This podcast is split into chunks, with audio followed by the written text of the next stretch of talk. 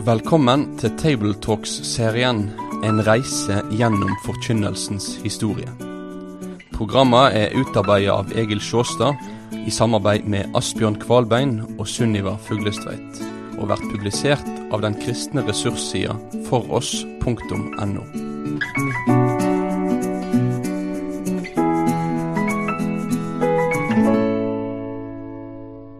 Vi har på de tidligere stasjonene vi har stoppa inn i vår reise gjennom forkynnelsens historie, så har vi sett på hvordan prekener mer og mer blir homilier, altså vers for vers-utleggelser av tekster.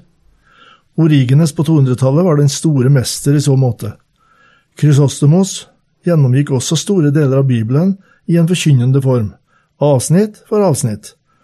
Men etter hvert som kristendommen slo igjennom, ble krava til preiker større. Sånn følte de det.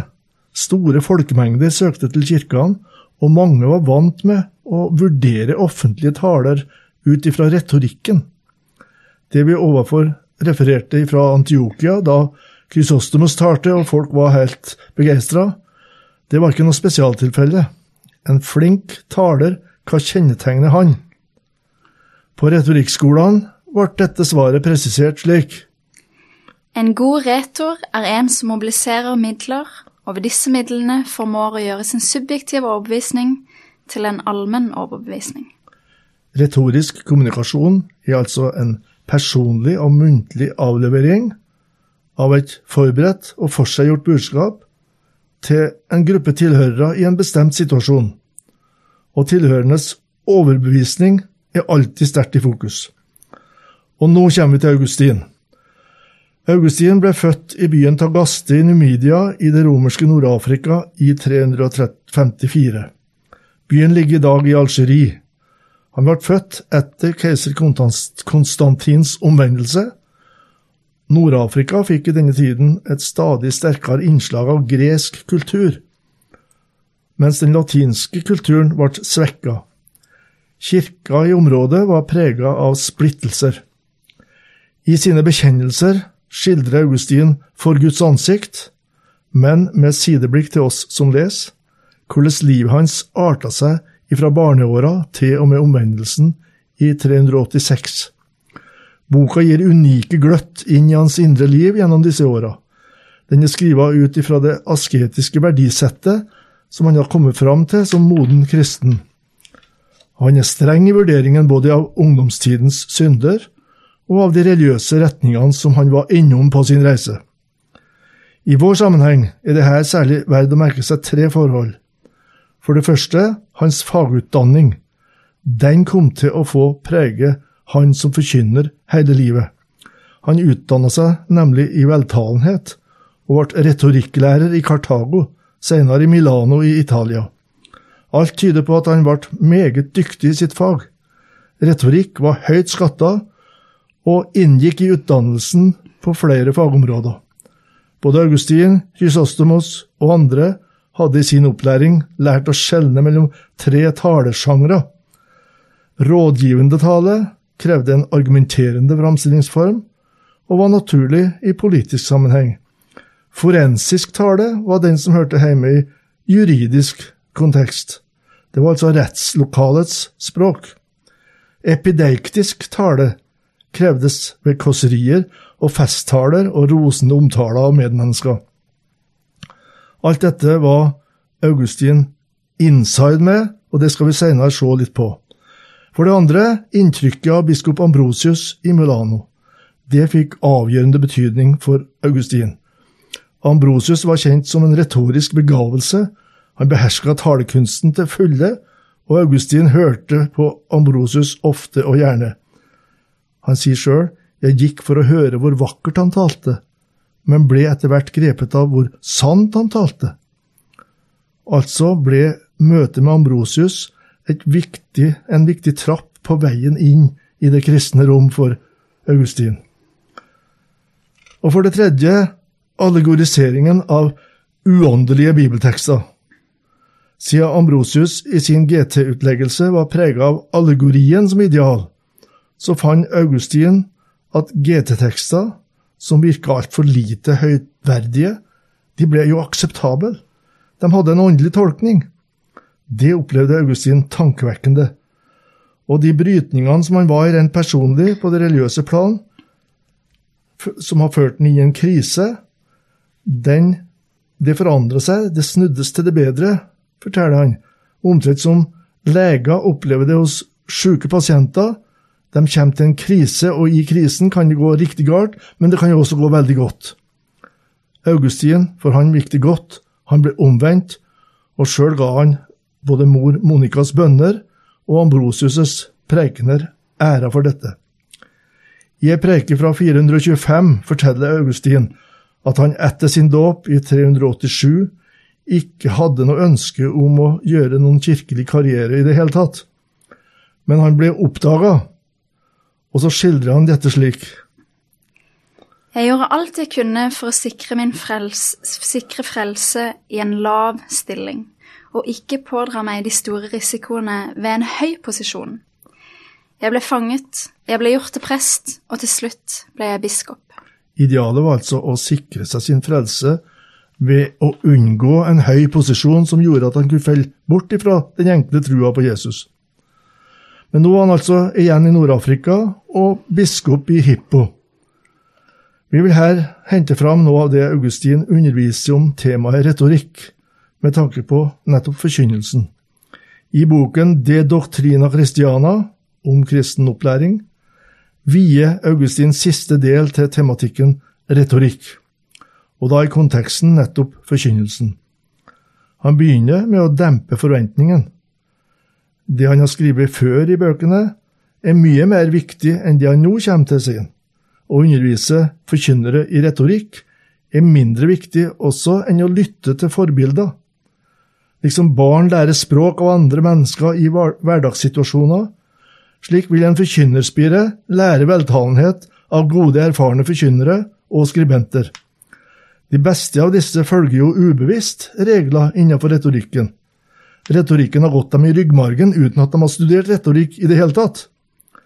Men fordi retorikk i seg sjøl er nøytral, må en gjerne også bruke tid på å sette seg inn i noen av de anerkjente retoriske grep. Sånn tenker Augustin. Etter hvert så bruker Augustin mye plass til å drøfte retoriske grep hos eksempel noen av de bibelske forfatterne. Her underviser han i retorikk ved å bruke bibeltekster som eksempel, og forkynnere kan lære mye av bibelspråket, hevder Augustin. La oss en stund være elever hos mester Augustin.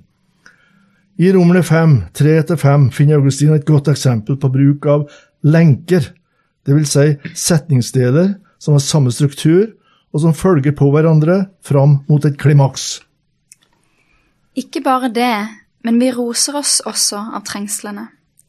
For vi vet at trengselen virker tålmodighet. Tålmodigheten virker et prøvet sinn. Og det prøvede sinn håp. Og håpet gjør ikke til skamme. For Guds kjærlighet er utøst i våre hjerter ved Den hellige ånd som er oss gitt.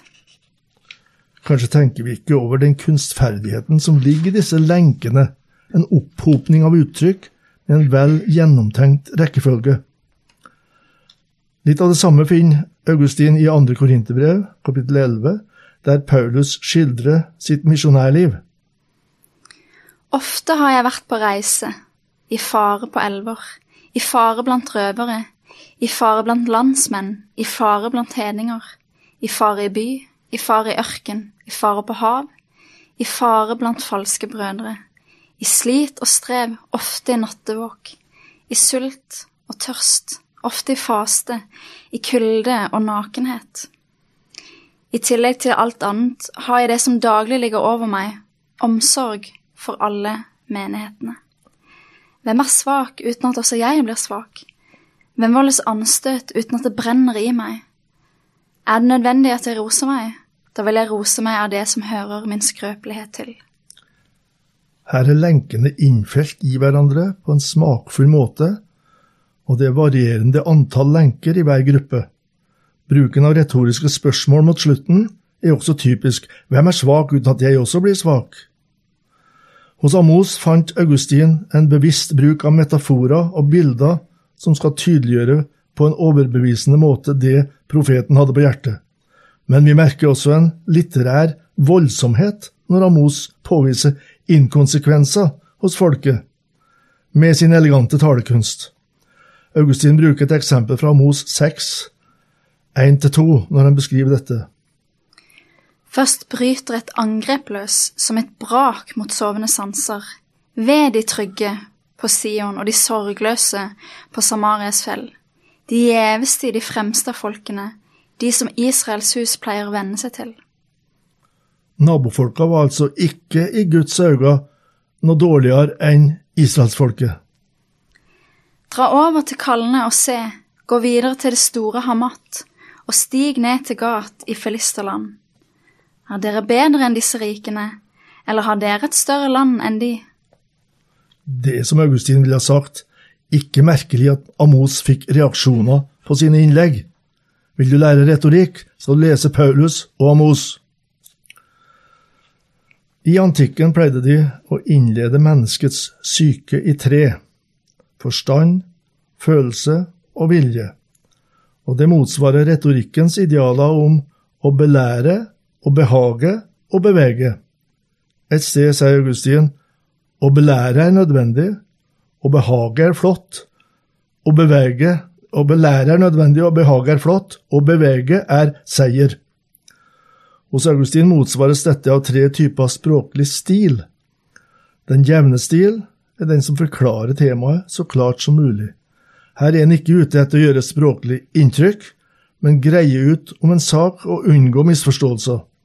Den jevne stil stiler mot forstanden for å belære. Den midtre stil legger vekt på å vise hvor bra det er, det en framstiller. Det ligger en viss appell til følelseslivet når en forkynner bruker den midtre stil. En vil behage ved å stile imot følelsene. Den høye stil var tydelig sikta imot å påvirke viljen til handling.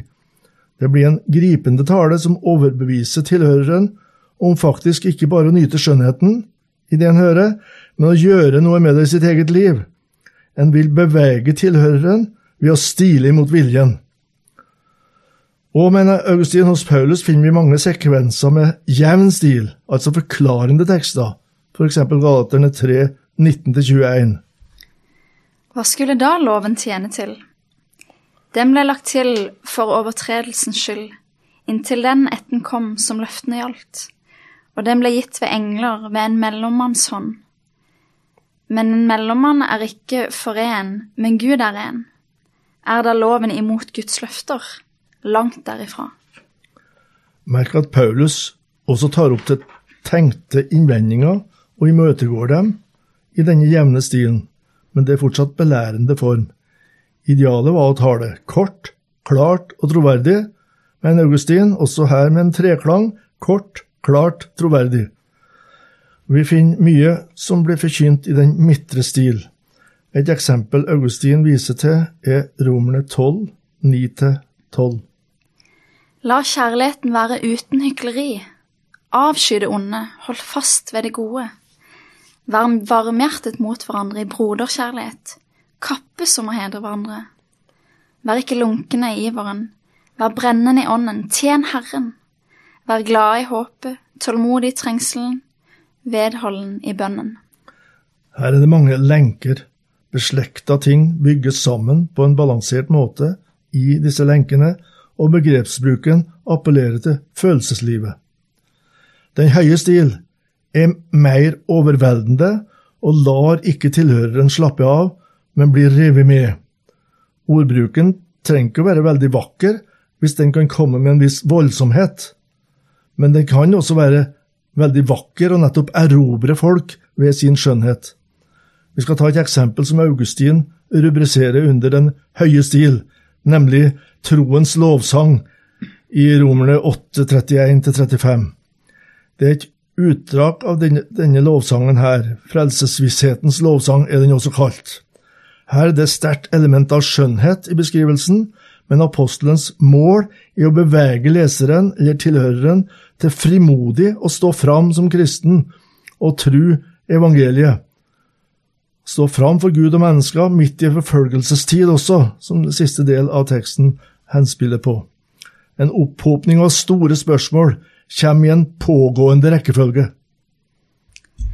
Hva skal vi da si til dette? Er Gud for oss, hvem er da imot oss? Han som ikke sparte sin egen sønn, men ga ham for oss alle.